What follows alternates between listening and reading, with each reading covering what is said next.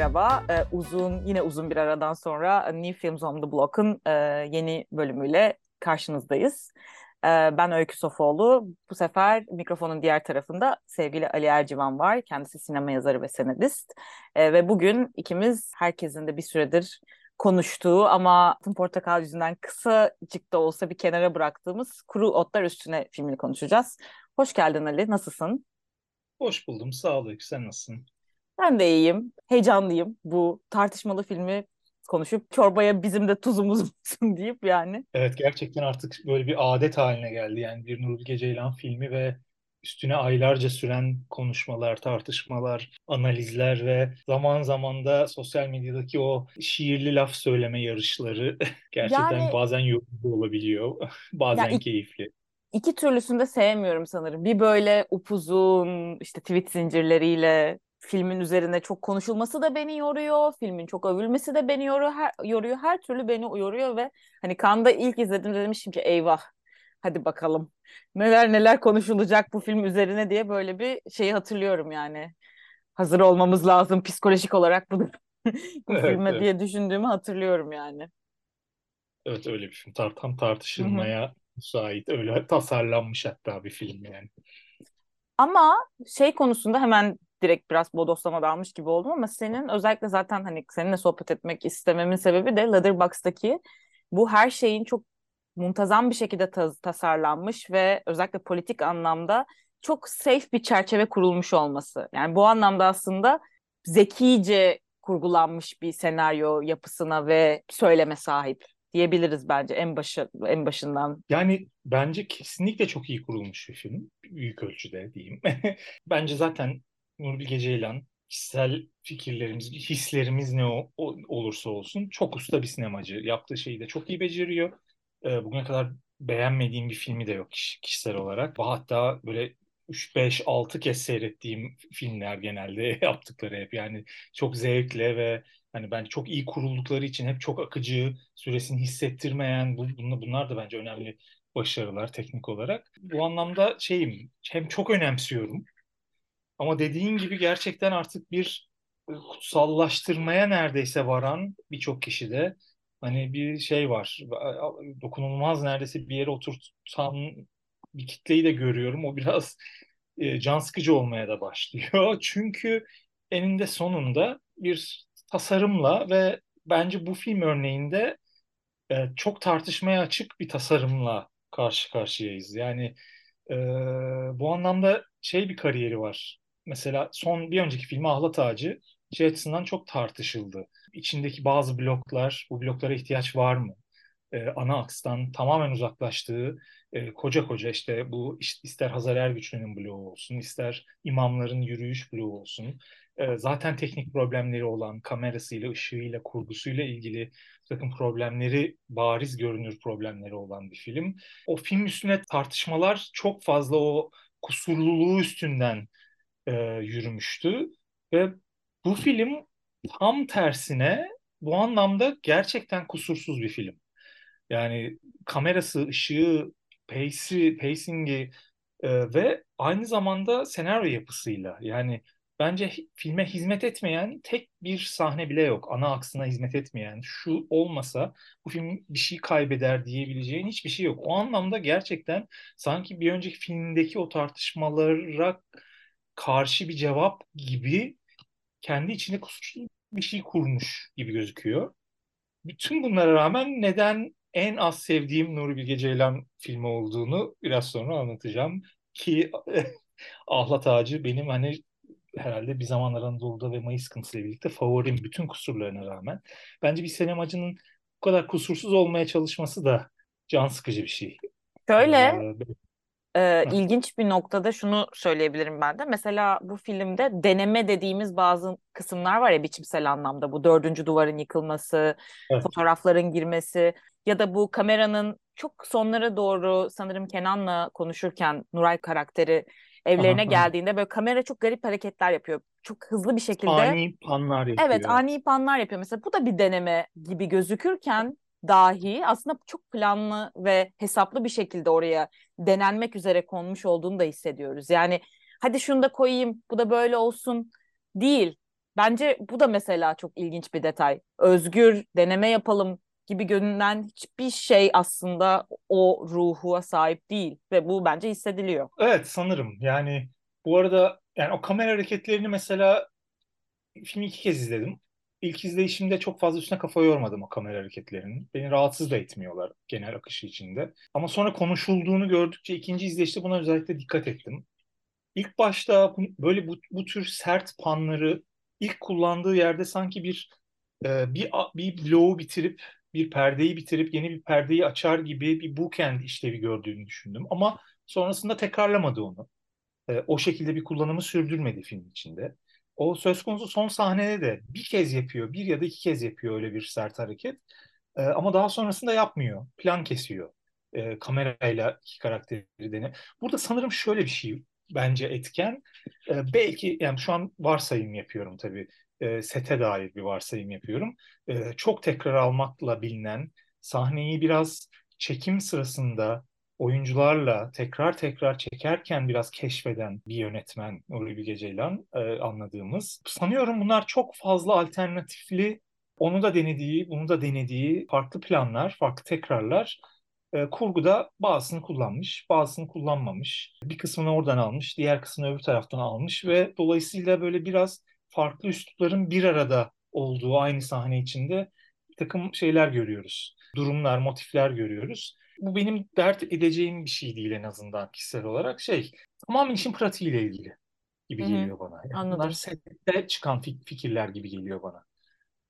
Ama yine de burada bir biçimsel olarak bunu açık etme e, gayesi var aslında. Yani bunu saklamaya çalışmıyor. Senin Yok, anlattığın biçimiyle aslında bunu açık ediyor bir, bir nevi. Tabii tabii. Yani şöyle şeyler yani bence mesela Allah Ağacı'na e, çok fazla dönmek istemiyorum ama o filmi konuşmaya doyamıyorum. E, orada mesela çok ciddi kurgu problemleri gibi ilk, ilk etapta gözümüze çarpan ama hani biraz artık bir noktadan sonra kendisinin de röportajlarında umursamadım. Sahnenin duygusu ya da oyunun hangi yerde güçlü olduğu daha önemliydi falan gibi şeyler söylüyordu. Biraz sanki bu bir üstüne gittiği bir şey hissi geçmeye hmm. başladı bana. Yani bir sürü şey deneyip sette farklı farklı versiyonlar deneyip sonra kurguda da şeyi nasıl diyeyim bir tek bir stil tutarlılığına kendini saplamak değil nerede oyun daha iyi ya da sahne nasıl daha etkili çıkacak hangi tekrar beni benim istediğim duyguyu daha iyi yaratacak e, gerisini çok önemsemiyorum ve bunu da gösteriyorum çünkü siz bana bunun bir zaaf olduğunu söylediniz bir önceki filmimde ve bence bu bir zaaf değil. E, ben bunu özellikle üstüne gide gide yapmaya devam edeceğim gibi bir sanki şey var, e, tavır var. Yine de bir de şunu e, fark ediyorum ben. Yani özellikle belki bu benimle ilgili, benim bakış açımla ilgili ama ne zaman bir Nuri Bilge Ceylan filmi izlesem ve bununla ilgili bir hipotez kursam ya da bununla ilgili bir yorum yapsam e, Ceylan'ın kendi söylemlerini dinlediğimde bunun bambaşka bir şey olduğunu fark ediyorum aslında kendi niyetinin. Ve bence Özellikle bu film özelinde de böyle bir durum söz konusu. Yani bizim karakterlere atfettiğimiz, okuduğumuz şeyler belki de onun kafasında tamamen farklı bir şekilde tezahür ediyor ve bunun aslında çarpışmasını izliyoruz ve belki de tüm bu tartışmalar, söylemler bu çarpışmalar sebebiyle ortaya çıkıyor. Muhtemelen. Ee, haklısın. Şimdi iki tarafı var bence bunun. Ee, bir, e, bence o tartışma ortamını istiyor da kendisi kaşıyor onu. Yani şey anlamı filmin kendisiyle de kaşıyor. Sadece sonraki röportajlarla falan da değil. Ee, onu kaşımaktan zevk alıyor çünkü filmlerin tartışılması o filmleri uzun ömürlü yapan bir şey. Ya şeyi çok seviyoruz bazen sinemacıları çok kıymetli yerlere koyup gözümüzde büyütmeyi. O çok yaygın bir eğilim ama hani çok pratik sebeplerle yapılıyor bazı şeyler. Ee, o tartış o tartışmayı kaşımak. Sadece filmin şeyini, e, önemini ya da zihinlerde katlayacağı yeri büyütmek, uzatmak. E, işin diğer tarafı bence esas zaten tartışılması gereken filmin en tartışmalı meselesi Samet'e nasıl bakıyor? Yönetmen nasıl bakıyor? Aynen Biz öyle. nasıl bakıyoruz? Esas filmin en tartışmalı meselesi bu. E, çünkü orada kafa karıştırıcı bir final var. Belki buralardan konuşmak lazım. E, orada şey çok net bence yani yani ben ikinci izleyişte en azından o hisse kapıldım. Ee, şeyi anlıyorum. bütün o adına da e, geçen tartışmalarda da verdiği cevap gibi yani yani taşranın taşrada veya kentte geçiyor olmasının ne önemi var? Ben insanın içindeki karanlığı anlatıyorum gibi bir şeyler söyledi değil mi? Bunu anlıyorum ve buradan şunu da çıkarıyorum aslında. Yani Samet'e dair, yani Samet'i kötü biri olarak tanımlamıyor ama Samet'in ya da her karakterinin içindeki karanlığı da anlatmak gibi bir gayesi var. Fakat burada Samet'le ilgili gerçekten genel geçer gri alanların kabul ettiğimiz gri alanların ötesinde bu adamla ilgili çok sorunlu, e, çok rahatsız edici bir takım durumlar yaratıyor. Ve sonrasında filmi bağladığı romantik neredeyse final, biraz Kış Uykusu'nun finalindeki mektuba Haluk Bilginer'in sesinden benzer final e, zannettiği gibi epik bir insanın karanlığı, Dostoyevski vari insanın içindeki karanlık filmine yakışır epik bir final duygusundan ziyade berbat bir adam anlattın sen bize 3 saat boyunca ve şu an bu adamın berbat biri olduğunun farkında değilmişsin gibi davranıyorsun hissi uyandırıyor en azından bende. Ve zaten iş dönüp dolaşıp benim açımdan böyle 2-3 kilit noktaya geliyor. Bu filmi bütün ustaca yapılmışlığına rağmen sevmemem sonucunda nihayetinde. Yani bu noktada mesela ben şunu okeydim. Filmde bu kadar karanlık bir şekilde izlediğimiz karakterin benzer bir şekilde noktalanacağını görmek beni hani o karakterle yakınlık kuramasam da bir seyirci olarak Hı, anladım ve bu şekilde bu karakterin hikayesinin sonuna geldik. Yani belli bir son, nihai bir son olmasına gerek yok. Ama bu bizi buraya götürdü ve bu bir tutarlı bir yolculuk, bir portre olarak ben buna tamamdım. Ama bu karlar eridikten sonra ki Samet'le o bütün film boyunca gördüğümüz Samet tamamen aslında apayrı noktalara tekabül etti benim zihnimde. Ki e, yine filmin diğer bir tartışmalı noktası ve aslında belki de Samet'le Samet'in temeldeki sorumluluğunun temeli Sevim'le olan ilişkisinde de film boyunca çok anlaşılmaz ya benim için aslında onların iki karakterin arasındaki dinamik çok muğlak ve belirsizdi o noktaya kadar ama daha sonra o Sevim'le ilgili seni şöyle bir noktaya konumlandırdım. Benim işte sana nasıl diyeyim onu bir idealize eden bir konuma getirtmesi yine benzer bir çelişkiye karşılık geliyor aslında. Çünkü orada çok e, sinsi, kaypak bir yaklaşımı varken o kıza sonrasında bir anda onun aslında biz idealize ettiğini böyle ulaşılamaz bir varlıkmışçasına ona yaklaştığını söylemesi yine benzer bir çelişkiye karşılık geliyor ve bu beni en çok rahatsız eden şey de bu oldu sanırım. Yani Samet'in Sevim'e çirkin bir şekilde yaklaşması her ne kadar çirkin olsa da belki de beni daha çok seyirci olarak ya da bu filmin tutarlılığı konusunda daha çok tatmin edecekti. Ama öyle olmadı. Yine idealize o romantik romantik e, yorumu çok doğru çünkü görsel anlamda da o romantik estetik kullanılıyor. işte klasik o De Gaspar, evet. David Friedrich'in bütün o uçurumun kenarındaki adam figürü falan tamamen buna hizmet ediyor aslında.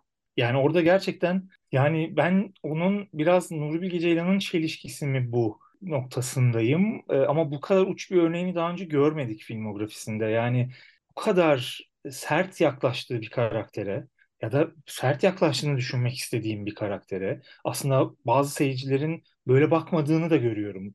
Ee, orada bir enteresan bir fikir ayrılığı da var. Ama yani benim gözümde inanılmaz kibirli, e, inanılmaz incinen erkeklik egosuyla her şeyi yapabilir gözüken e, çevresindeki insanları kırmaktan çekinmeyen e, bir adam çizildi bize.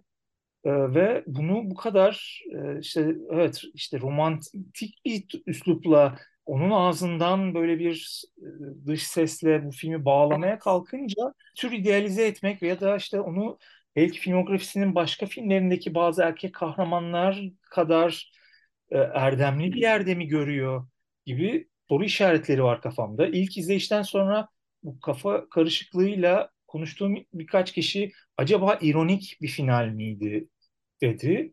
Yo ironik bir final de değil. Çok Bence kesinlikle ironik bir final değil. Çünkü dış sese geçmesi ve daha doğrusu dış sesten aslında birinci tekil şahısa geçiş yapması bence bu ironinin kesinlikle olmadığının kanıtı. Yani o çok doğrudan evet, evet, özdeşleşim okay. kurmakla alakalı bir şey aslında. Onu orta evet. konuma dışarıdan bir bakış değil o artık Samet filmin narat yani anlatıcısı gibi bir şeye dönüşüyor orada. Hani evet, kendi hikayesinin anlatıcısı. Tabii. Çünkü zaten filmin çok erken aşamasından beri bak Nuri Geceyan şunları çok yapıyor. Daha önce de yaptı. Ana karakteri olan erkekle kendisi arasında paralellikler kuruyor. Evet. Bu biraz da benim diyor. Çok da ilginç çekici bir şey bu. Bu konuda yani iklimler gibi hani sevdiğim de bir film. Gerçekten çok acımasız da bakabiliyor kendine. Burada da çoğu yerde bunu düşünüyoruz. Ama e, bu sanki bir tür nasıl diyeyim bir, bir, bir, bir sınır var ve kendisiyle ilgili de o sınırın ötesinde bir şey söyleyememek mi bilmiyorum. Yani ilk kez burada kendisi üstünden de e, bir iğneyi batırırken bir şey, bir sanki bir de, defans mekanizması gibi geri çekilip e, onu bize sevdirmeye çalışmak gibi anlamadığım, kafamı çok karıştıran bir yere gidiyor. Şimdi ben ikinci izleyişte son bloğa özellikle bu yüzden çok dikkat etmeye çalıştım. Şimdi e, bence filmin en büyük dezav yani dezavantaj değil de e, tuzaklarından biri yazan ve yöneten kişi için, kişiler için filmin e, tamamen ana karakteri izleyerek ilerlese de tamamen onun ekseninde ilerlese de bundan sapmasa da bu karakterin farklı dört tane bence şeyi var. İlişki dinamiği var. Biri hı hı. Kenan öğretmenle, biri Nuray öğretmenle, biri öğrencisi Sevim'le, biri de aslında yaşadığı çevreyle yani o köyle.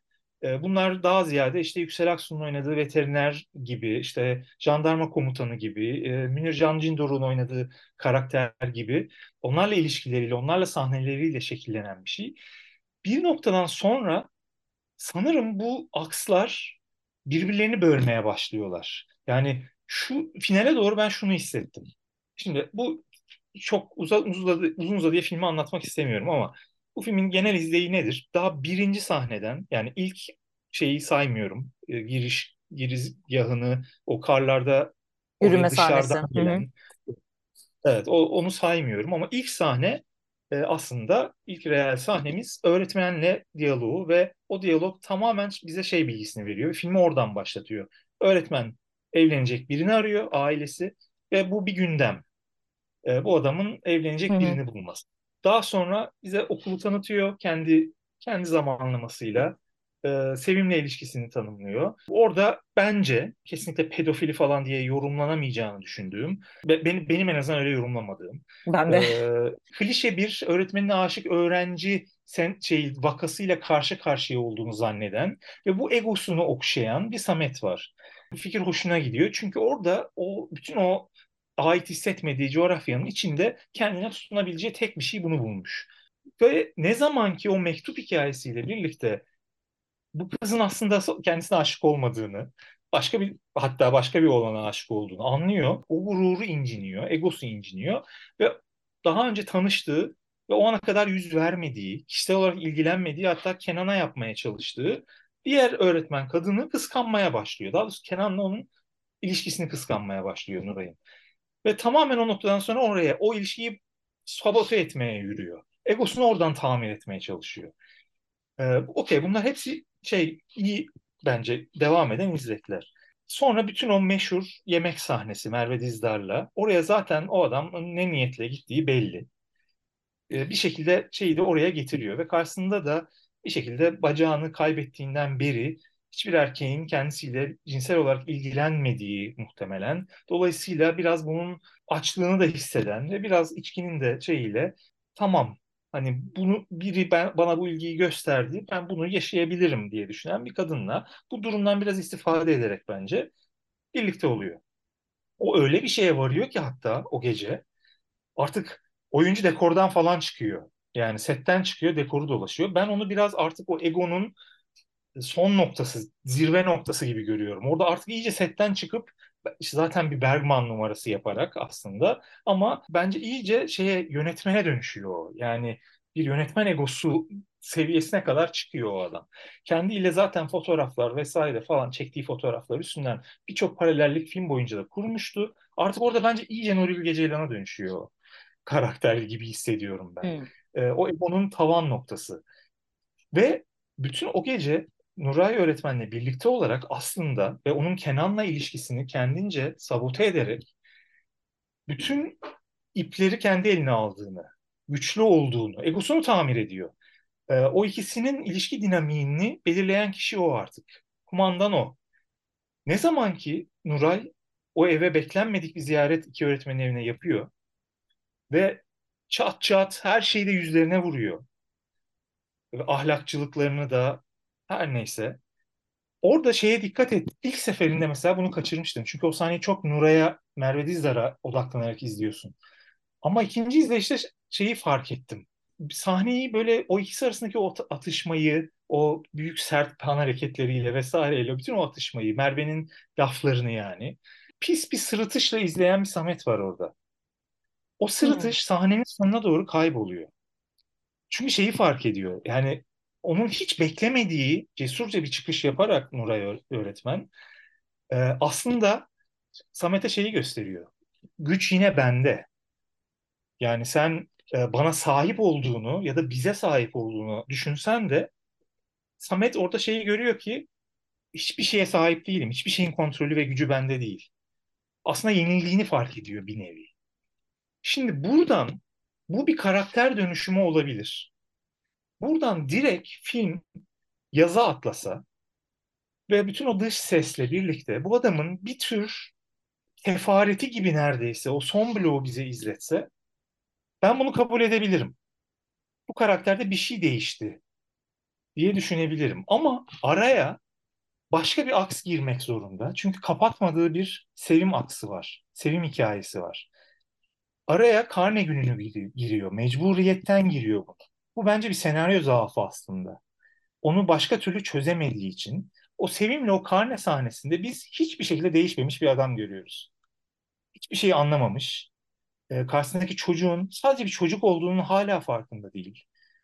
E, hala kıza karşı üstten ve kibirli konuşan bir adam izliyoruz. O araya girdiği an o blok şeyi bölüyor. O karakterdeki dönüşümü bölüyor. Çünkü orada aynı kalmış bir adam var. Bu yüzden de benim kafam karma karışık oluyor. Ve bu bir senaryo zaafı.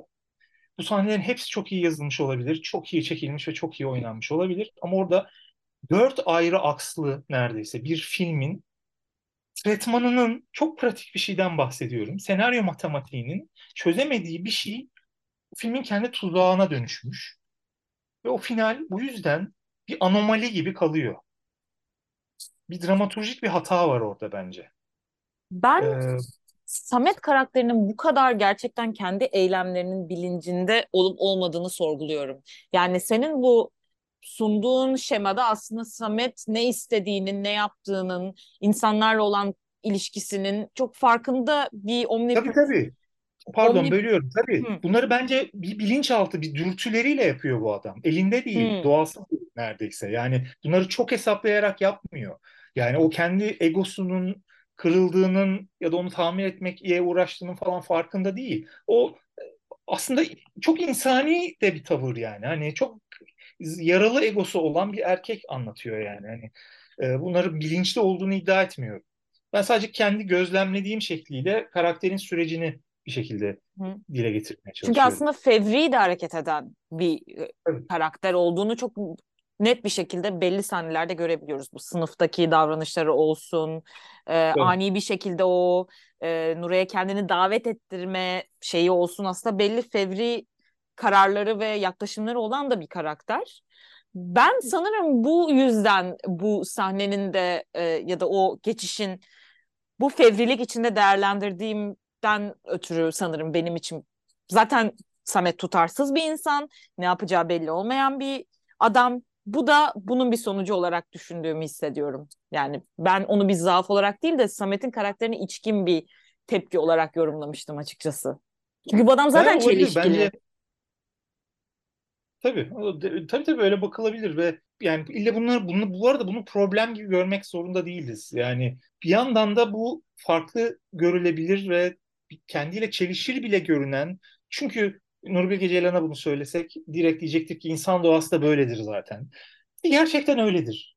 Yani hani dolayısıyla e, herkesin her zaman neyi neden yaptığını çok somut cümlelerle ifade edemeyiz yani. Hani e, bir yandan da filmlerini ilginç ve kıymetli kılan şeylerden biri gibi de görmek mümkün zaten bence bunu. Mesela bir de şeyi değinmek istiyorum. Hani bu farklı yaklaşımların farklı okumaların ne kadar ilginç olduğu her zaman beni şaşırtıyor. Bu Hı. özellikle e, kamera arkasına geçiş sahnesi mesela ben tamamen bir biçimsel egzersiz olarak yorumladım ama belki bu Ceylan'ın kendi sinemasına çok da aşina olmadığımız bir şey ama bu benim kendi filmleri izleme ve yorumlama biçimim olduğu için hani bu dördüncü duvar noktası da nasıl diyeyim yani film içinde kendi bunun bir film olduğuna dair bir farkındalık yaratma olarak yorumlamayı seviyorum ben belki de. Yani bu Aha, normalde yani... senin yorumunda Samet'in kendi e, egosuyla bağlantılı bir şeyken benim için o tamamen gerçekten biçimsel bir egzersiz olarak kaldı mesela. Ee, bence tabii aynı zamanda o da. Çünkü bence sinemasında yeni bir şeyler, yeni bir takım açılımlar, yeni denemelere ihtiyacı var. Bir, bir yerlere doğru evrilmesi lazım sinemasının. Bu çok doğal yani. Hani bu anlamda ilginç ve kıymetli. Ben o sahneyi sadece Bergman'dan referans yapmaya bayılıyor ve bu yüzden böyle bir fikir koymuş diye okuyana da rastladım. Filmi artık o kadar yükseltti ki işin karanlığını gidecek yeri yok. Kaçmak için kullanıyor aslında bunu. Bir kaçak dövüş e, taktiği gibi okuyana da rastladım. Ee, yani herkes yani pozitif bunların bir kısmı pozitif bir kısmı hiç pozitif olmayan yaklaşımlar. Birçok şekilde yorumlanabilir. Kendisi bu arada ee, basın toplantısında şey demişti Kanda. E, bunu birisi sordu çünkü yabancı bir gazeteci. Çoğu hı. iç interior sahneleri sound stage'lerde çektikleri için ama filmin evet. aslında dışarıda da sahneleri olduğu için ve Nuri Ceylan'ın sineması normalde daha çok naturalizm, realizmle ilişkilendiriliyor hı. ya. Sanırım hı. kendisi de bundan bir noktada aslında rahatsız demeyeceğim de fark, fazla farkında olduğu için hani hayır hani bu sound stage'lerde bile o kadar biz gerçekmiş gibi hissediyoruz ki bu ortamda ama aslında değil. Hani bu da bir film, bu da bir tamamen inşa üzerine kurulu bir yapı ya geri kendisine bir şey yapıyor aslında. Ben şu an setteyim gibi bir farkındalık yaratıyor. Bence bu da ilginç bir yorum gerçekten. Çok çok tabii ki çok ilginç. Bence de çok ilginç. Yani bu arada geçen gün çok e, e, şey hafifletmek adına da yani sosyal medyada biri o e, öğretmenlerin evinden bir fotoğraf paylaştı setten. Evet, ee, Ebru Ceylan'la Nuri Bilge Ceylan şey, botlarıyla ayaklarını uzatmışlar. İşte böyle bir köy evine böyle giremezsin. ee, bunu başka bilmem kim yapmış olsa topa tutardınız falan diye. Yani orada bile şeydi yani dekor orası arkadaşım. Evet, yani. evet kesinlikle. Her şeyi bu kadar ciddiye almayalım. Film bu. Bak bu bile buna hizmet ediyor aslında. Bu bir film arkadaşlar. O bir köy evi değil, o bir dekor. bu tartışma bile çok ilginç yani. Hani ama... Ve şeyden çok bağımsız değil yani. O dekordan çıkıp karakterin dolaşmasından çok bağımsız değil. Ama ben bu şey hoşuma gidiyor gerçekten. Sevdiğim bir detay da bu film gerçekliğinin ne kadar o bütün o gerçekçi elaborate diyaloglara rağmen hayır biz şu an çok inşa edilmiş, yazılmış, çizilmiş bir şey izliyoruzun bence görsel bir yansıması da bu fotoğraflar. Ee, çünkü Samet'in kamerası Hı. ve Kenan öğretmenin o küçük kamerasının o fotoğrafları çekemeyeceğini gayet iyi biliyoruz. Yani Tabii. onu bilerek bize gösteriyor. Hani bakın evet. bu küçük kamera var aslında elimizde deyip o fotoğrafların araya girmesi de bence yine bilinçli bir şekilde durun ya bir saniye hani farkında olun gibi bir belki yine o da içgüdüsel bir şey ama ben bu bunları bu bunlar mesela sevdiğim detaylar. Fakat yine biraz konuyu değiştirecek gibi olacak ama e, bu ikinci, üçüncü seyir deneyimlerinin ben çok değerli olduğunu düşünüyorum. Çünkü hepimiz insanız, hepimiz bireyiz ve bütün bulunduğumuz o mental gerçeklik, çevremizdeki gerçeklik filmle kurduğumuz ilişkiyi çok etkiliyor. Ben mesela e, tam seçim e, ertesi bu filmi izlemiştim. Bunu çok fazla insana anlattım ama bir daha anlatacağım. Ben Ağlat Ağacı'nı Paris'te yine 2018 seçimleri, seçim günü izledim. Yani o film belki o bu kadar doğrudan bir politik bağ kurmasa da filmi izlediğimde seçim sonuçları açıklanmıştı. Moralim çok bozuktu. Film de zaten şöyle şen şakrak bir film değil. Sonra pasaportumu kaybettiğimi fark ettim. Böyle Türkiye bir güzel üzerime çöktü benim. Türkiye gerçeği. Ve yine tesadüfe bak ki e, ben Kuru üstüneydi. Hemen seçim ertesi 14 e, Mayıs sonrasında ikinci seçimleri beklerken Kanda izledim bir iki gün sonra oy kullanmaya gidecektim falan. Böyle bir charge bir psikolojiyle izlediğim için e, özellikle o yemek sahnesinde ben çok etkilendim. Çok sarsıldım. Hüngür hüngür ağladım böyle. Böyle bir psikolojiyle izledim. Ama şu an o üzerinden aylar geçtikten işte tüm bu bakanlık zımbırtıları ortaya çıktıktan Nuri Bilge Ceylan'ın yorumlarından sonra aynı sahnelere baktığımda aynı duyguyu hissedemiyorum mesela. Yani bunun e, bu bunların konuşulması da bence çok değerli. Kendi filmle kurduğumuz ilişkiler. Çünkü o an bana o kadar samimi ve dokunan tam o hissime dokunan bir filmken şu an aynı şeyi hissedemiyorum mesela. Belki maruz kaldığımız söylemler de bunun üzerinde etkili. Ama bu bu değişen dinamikler benim çok ilgimi çekiyor. Evet yani bunun şey bir karşılığını, temiz bir karşılığını vermek mümkün değil ama e, haklısın. Ama filmin özelinde şu söylenebilir belki. O biraz işte bizim bizim o filmle yani bu ülkede yaşayan insanlar olarak bizim bu hikayelerle kurduğumuz ilişkilere dair bir şey. Nuri Ceylan kendisi bunu ne kadar etkiliyor? Bence çok etkilemiyor. Yani e, çünkü sadece şu yemek sahnesinde mesela bu, bu noktada aslında belki de o tüm bu duygular artık eriyip bittiğinde geriye kalan gerçekten teatral bir şey mi? Onu sorguluyorum. Yani o yemek sahnesinde ilgili neler söyleyebiliriz?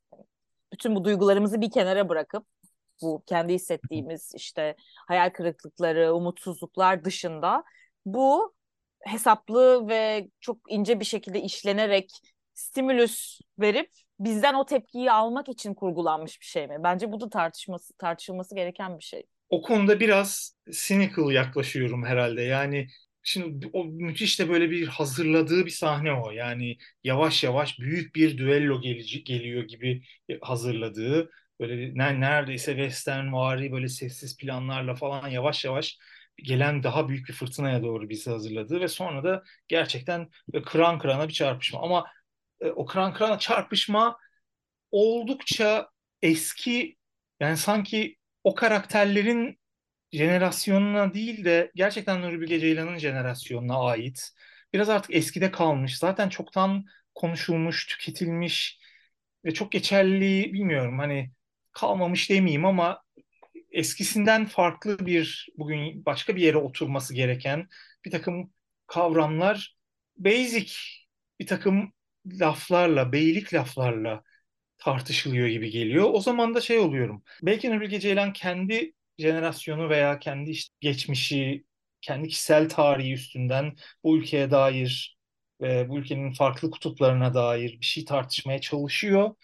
Ama bunun bugün çok bir karşılığı kalmadığının ne kadar farkında. Dolayısıyla o noktada bizim o tartışmaya bugünün perspektifinden ne kattığımız ya da ne katmadığımız belki etkili oluyor. E, o izleme deneyiminde ne hissettiğimizle. Ben ikinci izleyişte açıkçası yani e, ilk izleyişte takip etmekte bile zorlandım. E, ikinci izleyişte de şey yani bu neden bu kadar uzuyor ve bu sahnenin şeyi ne yani varmaya yani o iki karakteri aslında neredeyse gönülsüzce bir sevişmeye kadın açısından götürecek bir ye, ye, yenişememe halinden öte neye hizmet ediyor ve neden o, çok çözemiyorum. Çözemedim yani ikinci izleyişten sonra. Bence aralarındaki yani, cinsel gerilime de çok doğrudan karşılığını bulan bir tartışma değil. Yani tam nasıl söyleyeyim? Evet bu ikisi arasında bir hani haklı haksız çıkmadan ziyade üste çıkma şey var ya. Hı hı. Ama evet. bunun bir sanki o e, Nuray'ın kendi cinselliğini keşfi ya da yeniden keşfindeki karşılığı ya sonraki o odaya geçtiklerinde ve onun sonrasındaki ilişkide o tartışmanın da bir etkisi olduğunu görmüyoruz. Yani sanki bu, bu tartışmayı yapan Nuray ve Samet'le sevişen yatak odasına giden Nuray ve Samet farklı insanlar gibi hissettim ben mesela.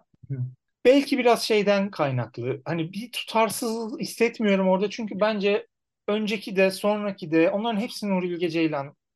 Hepsi Nuri Bilge Ceylan konuşuyor, hissi veriyor bana. Filmin bir diyalog zaaflarından biri de o zaten. Farklı karakterler filmin farklı yerlerinde aynı kelime kalıplarıyla, aynı cümlelerle konuşabiliyorlar. Biz artık orada gerçekten iki insan izlemiyoruz da e, Nuri Bilge Ceylan'ın kafasındaki iki ideyanın çarpışmasını izliyoruz. Bu da bence sahneyi zayıflatan bir şey zaten. Belki o yüzden de sonrasında yaşanan şey çok sahici çünkü. Yani o sevişme bence Nuray'ın sevmediği aslında, hoşlanmadığı, da rahatsız olduğu belki bir adamla o geceyi birlikte geçirmeyi kabul etmesi orada gerçekten insani bir e, süreç var. E, önceki izlediğimiz şey bence hiç insani bir şey değil. Önceki izlediğimiz hı hı. bir yazar ve yönetmen şovu. E, belki o yüzden bir kopukluk hissi yaratıyor sende. Olabilir. Ben ama hala filmin tüm bunları tartışırken çok açık ve net bir şekilde ne düşündüğüm, ne hissettiğim, kafamda bana ne uyandırdığını net bir şekilde oturttuğum her şey, bütün bu ilişkiler tamam. Ama gerçekten Sevim karakterini mesela ben çözemiyorum. Samet'in mesela psikolojisini az önce yorumladık. Yani şu işte kafasında bir ego sorunu var. Ama karakterin yazılışı ve Samet'le kurduğu ilişki benim için hala çok muallakta kalan, oturtamadığım Hı-hı. bir şey. Ve bu yüzden belki de insanlar bunu pedofiliye varacak şekilde yorumluyor ki benim kafamda bu çok uç noktalarda olan bir şey. Yani benim ikna olmadığım bir şey. Ama yine de bunu da bir yere konumlandıramıyorum. Ya bence orada şöyle bir şey var. Şunu yapıyor. E, kimseyi yani gerçekten kimseyi kutsallaştırmamak lazım. Bizim için söylemiyorum ama çok yapıldığı için söylüyorum. Yani Ulvi Ceylan da e, kusursuz ulvi metinler yazmıyor. E, yaptığı şey şu. Bence benim benim gördüğüm orada bir pedofili hikayesi yok. Orada bir çocuk var. Çocuk gibi davranan bir çocuk var başından itibaren. Fakat bir yandan da bütün bu pedofili meselesinin tartışılmasını istiyor. O yüzden aralara yemler bırakıyor. Başka türlü de yorumlanabilecek şeyler bırakıyor. Atıyorum mesela karyola muhabbeti. Yani bu ad, bu adam. Samet bu kızla bir kar, benim bir boş karyolam var gibi bir muhabbet açmış. Kim niye bir yetişkin bir adam bir çocuğa böyle bir muhabbet açsın? Bunlar bence yem. Bunlar tartışılsın. işi gri bir alanda bıraksın. Biri a bak ama şöyle öbürü de ah ama bak bunu yakalamış mıydın sen diyebilsin gerçekten sırf tartışılsın diye yapılmış şeyler. Bunu da küçümseyerek söylemiyorum. E, gerçekten filmler böyle yapılıyor çünkü.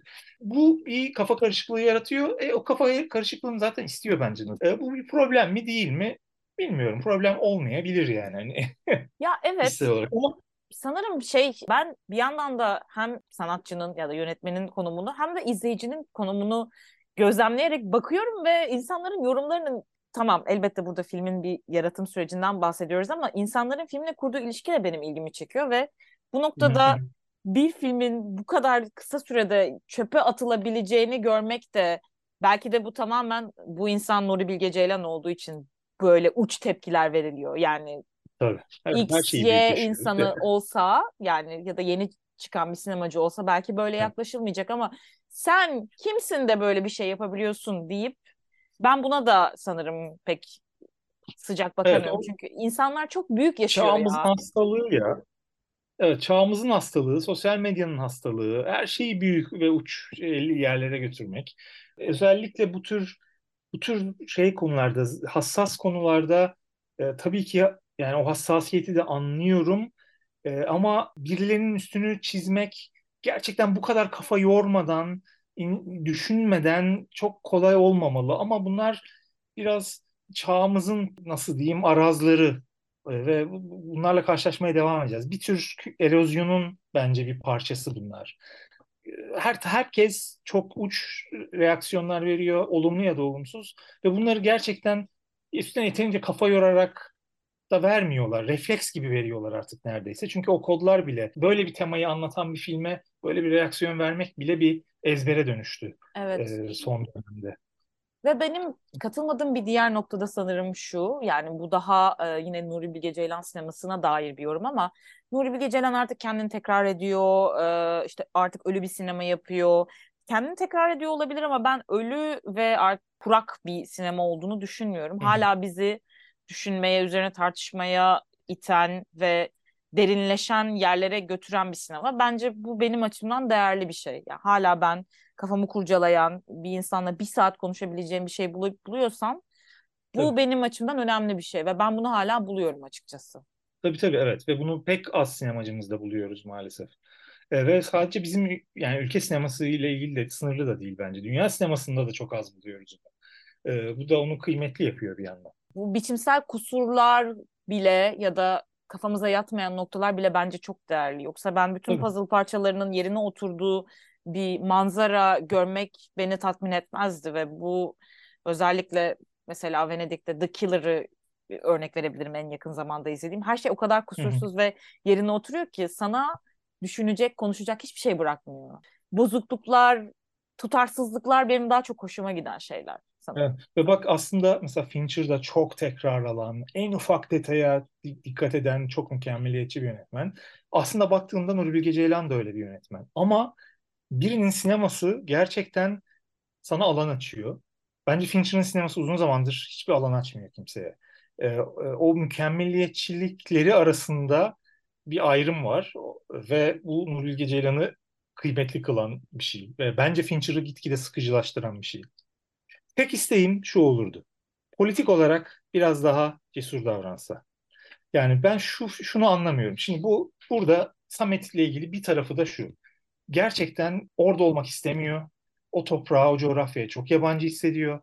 Ve gerçekten hiçbir dertlerini anlamıyor. Film boyunca tekrarlanan en büyük temalardan biri de bu. Mesela bütün o Yüksel Aksu'ların olduğu akslar falan hep ona hizmet ediyor. Mesela Münir Can Cindoruk e, babasının götürülüşünü ve bir daha göremeyişini anlatıyor. E, Samet piyango biletine takılıyor. Hiçbir İlaç şekilde espri yapıyor bir de. yani e, hiçbir şekilde bağ kuramıyor. Onların e, sonra da zaten şey yapıyor. Siz ne, ne için kavga ettiniz ben anlamadım diyor Yüksel Aksu'ya çocuk Hı-hı. gittikten sonra. Gerçekten çok yabancı. Her şeyiyle yabancı. Oranın derdine, bütün sorunlarına, gündelik yaşamına, her şeyine yabancı. Yani bu konuda bir tık bir uyanma yaşıyorsa gerçekten o bir tane bot alan öğrencinin daha sonra o botu kardeşi için aldığını fark ettiği sahnede falan tek bir bir uyanış yaşadığına dair ipucu bence orada var. E, o da o kadarla kalıyor. Şimdi bu adam kim?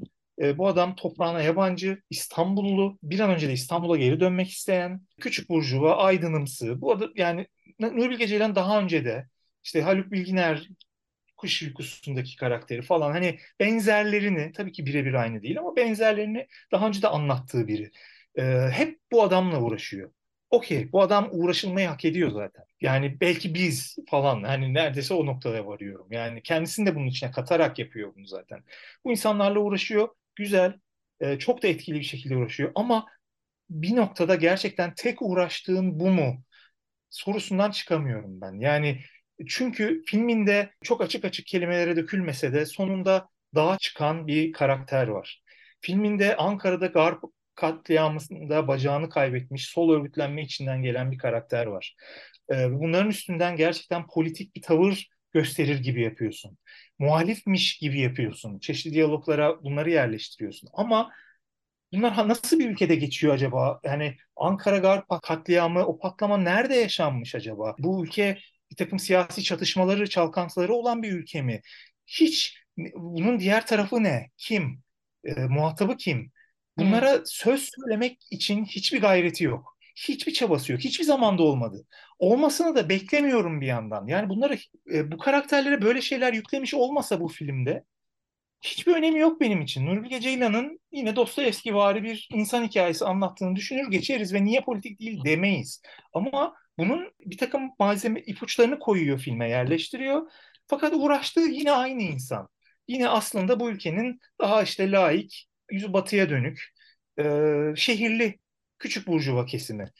Diğer tarafa, iktidara, sisteme, düzene dair neredeyse hiçbir şey söylemiyor olması e, ve söyleyecekmiş gibi yapıp ya da söylüyormuş gibi yapıp yine hiçbir şey yapmaması beni bu filmle ilgili en çok hayal kırıklığına uğratan şeylerden biri. Bunu da söylemeden edemedim. Bu, bu çok doğru ve ben bu şeyden bahsettik ya e, artık belli noktalarda nasıl diyeyim solcu ve sağcı ya da bireyci kolektif hareket arasındaki ikilimin arkaik kaldığını bence Samet karakteri de aslında Türkiye bağlamında bu layık kesim açısından arkaik kalan bir şey yani. En azından ben bunu umut ediyorum. Bir noktadan Tabii. sonra artık insanların bu kadar içlerinde var oldukları gerçekliğe karşı kayıtsız ve tarafsız kalamayacağını düşünüyorum. Ya daha nasıl diyeyim Samet artık o kadar uzakta duramaz. Duramayacak bir insan konumunda. Hani bugünümüz 2023'te Samet artık o kadar dışarıda ve seyirci konumunda olamayacak bir insan artık gibi geliyor. Bu kadar uzakta duramaz kimse diye düşünüyorum. O anlamda da arkaik. Belki 2015'lerden öncesinde olabilirdi ama şu an bu bence bu da mümkün değil. Yani Samet de o kadar apolitik duramayacak. Söylediğine hak veriyorum. Keşke de böyle olsa diye de düşünüyorum. Çünkü bazen gerçekten onun kadar kayıtsız ve yabancı hala her türlü meseleye bu kadar apolitik insanlara da rastlıyorum. Maalesef o ülkeyle ilgili üzücü bulduğum şeylerden bir tanesi. Bir de son olarak sana şey soracağım. Mesela dedin ya eğer karşı tarafa dair bir şey görsek hani onu göremiyoruz ya. Peki bunun Hı-hı. nasıl diyeyim optimal bir şekilde nasıl olurdu? Yani bu filmi nasıl düzeltirdin sana göre diye sorayım. Abi çok zor bir soru bilmiyorum. Bu kadar yapmak da istemem. Yani buna özellikle kafa yoğurum. Çok zor bir soru. Yani öyle bir şey ki hani şeyi bile hani yurt dışı seyircisi mesela bu Ankara Garp katliam meselesini bile anlamıyormuş ya. Yani kurmaca bir patlamadan bahsediliyor zannediyormuş. Yani. Bunları biraz olsun izah edecek. Şimdi çok kolay bir yazar da yönetmen de şuna sığınabilir. Her şeyi izah etmek zorunda değiliz. Evet haklısınız. Her şeyi izah etmek zorunda değilsiniz ama her şeyi birden anlatmak zorunda da değil kimse. Ama bir takım küçük ipuçları lazım herhalde. Ee, şeyi de bilmiyorum. Bu arada biz burada rahat, gönül rahatlığıyla bitmiş ürün üstünden konuşuyoruz ama birçok atılmış sahne olduğunu, yani çekimlerde yer alan ama filmde sahneleri bulunmayan birçok oyuncu başka oyuncu da olduğunu. Dolayısıyla belki de oralarda bu söylediğimiz şeylerin cevabı olabilecek ama çeşitli sebeplerle yönetmenin filmde yer bulamadığı sahneler olabileceğini e, ihtimalini inkar edemiyorum. Yani çünkü e, özellikle o Yüksel Aksu'yla Münircan Cindor'un sahnesinde e, son sahnesinde bir şey muhabbeti geçiyor. Yani köy meydanında biri veterinere bir şey demiş, çocuk evet. ona cevabını verememiş. Mesela bence onlar muhakkak sahneleri olan şeyler. Çıkarılmış. Yani bunun ne çeşitli sebepleri olabilir. Yani Nuri Ceylan için benim anladığım, benim gözlemim bu. En temel bir sahneyi kullanmama sebeplerinden bir tanesi ya oyuncuya e, inanmamak. Yani bir şekilde sahnenin gerçekliğine inanmamak sanırım. E, dolayısıyla çeşitli sebeplerden kullanmadığı belki sahnelerin içinde bunların cevapları da var. Onu bilemiyorum ama sonuçta biz karşımızdaki filmi değerlendirmek durumundayız. Ben şunu fark ettim e, geçen bir arkadaşımla konuşurken. İlk kez bir Nuri Bilge Ceylan filminde tamam bu film bir köyde geçiyor ama biz çok az köy görüyoruz. Çevre yok yani. Evet. Yaşam alanı çok az. 3-5 mekanla sınırlı. Daha yaşardı e, daha önceki filmlerinde o e, mekanlar ve köyler ve işte ilçeler, kasabalar neyse. E, böyle bir zaafı var. Ben o köyün içinde biraz daha vakit geçirmek ve Samet'i o köyün içinde biraz daha görmek belki isterdim. Belki oralardan ülkeye dair biraz daha somut bir şeyler çıkardı. En fazla bunu söyleyebilirim şu an. Ki e, buna katılıyorum ve şey de düşünüyorum. Daha geniş bir politik landscape çizmeye çalışsa bunu da çok başarılı olamayacağını da bir yandan hissediyorum. Yani öbür tarafı bunun daha bağlama oturtulmuş bir şekilde koyduğu bir gerçeklik olduğunu varsaysak yani nasıl diyeyim e, toplumda hangi kesimlerde karşılık bulabileceğinin daha alternatif bir tasviri olsa onun da bizi yeterince tatmin edip edemeyeceğinden de şüpheliyim. Çünkü bir nev, bir, bu bir gerçek zaten. Yani kusursuz bir film ortaya koymak hiç kimsenin yapabileceği bir şey değil. Yine bir eksiklikler olacak ama sanırım bu eksikliklerin olması bile zaten değerli bir şey. Yani bu da yönetmenin kendi sanatsal ve politik duruşunun da bir yansıması aslında ve bu da ona dair bir şeyler söylüyor bence. Evet. Yani değerliden kastımız gerçekten üstüne konuşmaya ve düşünmeye Aynen değer öyle. bir şey. Aynen öyle. Yani pozitif olarak değerli olması şart değil. Yani çünkü gerçekten bir yandan da evet e, gerçekten düzene, iktidara dair bir şey söylemeye söylemeyen, söylemekten imtina eden bir yönetmen var karşımızda ve o yönetmen geçtiğimiz hafta tam da sansür e, tartışmalarının ortasında Antalya'ya dair Antalya Film Festivali'nin iptal edilmesine gerek yok kadar ulaş, varan olayların tam ortasında gidip e, işte bakan ziyaret edebiliyor mesela. Onunla oturup fotoğraf çektirebiliyor. Ve bence buna ihtiyacı olmayan biri olduğu halde. Yani şu noktada Nuri Bilge Ceylan'ın ben kariyeri için Kültür Bakanlığı'na ihtiyacı olduğunu düşünmüyorum. Ama belli ki filmlerinin e, o taraftan destek görmesini de isteyen e, yani bu bunlar bir şey söylüyor. O filmlerine bunu yansıtmayan, filmlerinde hala bizle uğraşan ama onlarla uğraşmayan yani biz ve onlar gibi bir ayrım yaptığım için kusura bakmayın ama bir yönetmenin tam da ondan beklenecek gibi bir duruş sergiliyor olması filme dair de bir şeyler söylüyor. Filme bakışımızı da etkiliyor e, ve bu evet dediğin gibi onu daha gözümüzde yüce bir yere oturtmak anlamında değil ama değerli. Tartışma malzemesi olarak değerli. Evet. Üstüne düşünmek, konuşmak için değerli. Bu e, bakan konusunda yani kapatmadan önce şeyi de son bir söylemek istiyorum. Hani umut etmekten yorulduk falan diyoruz ama ben hala mesela şöyle bir noktada şeyi düşündüğümü söylemek zorundayım yani. Ya belki de acaba festivalle ilgili mi? Konuşmaya gitti hani.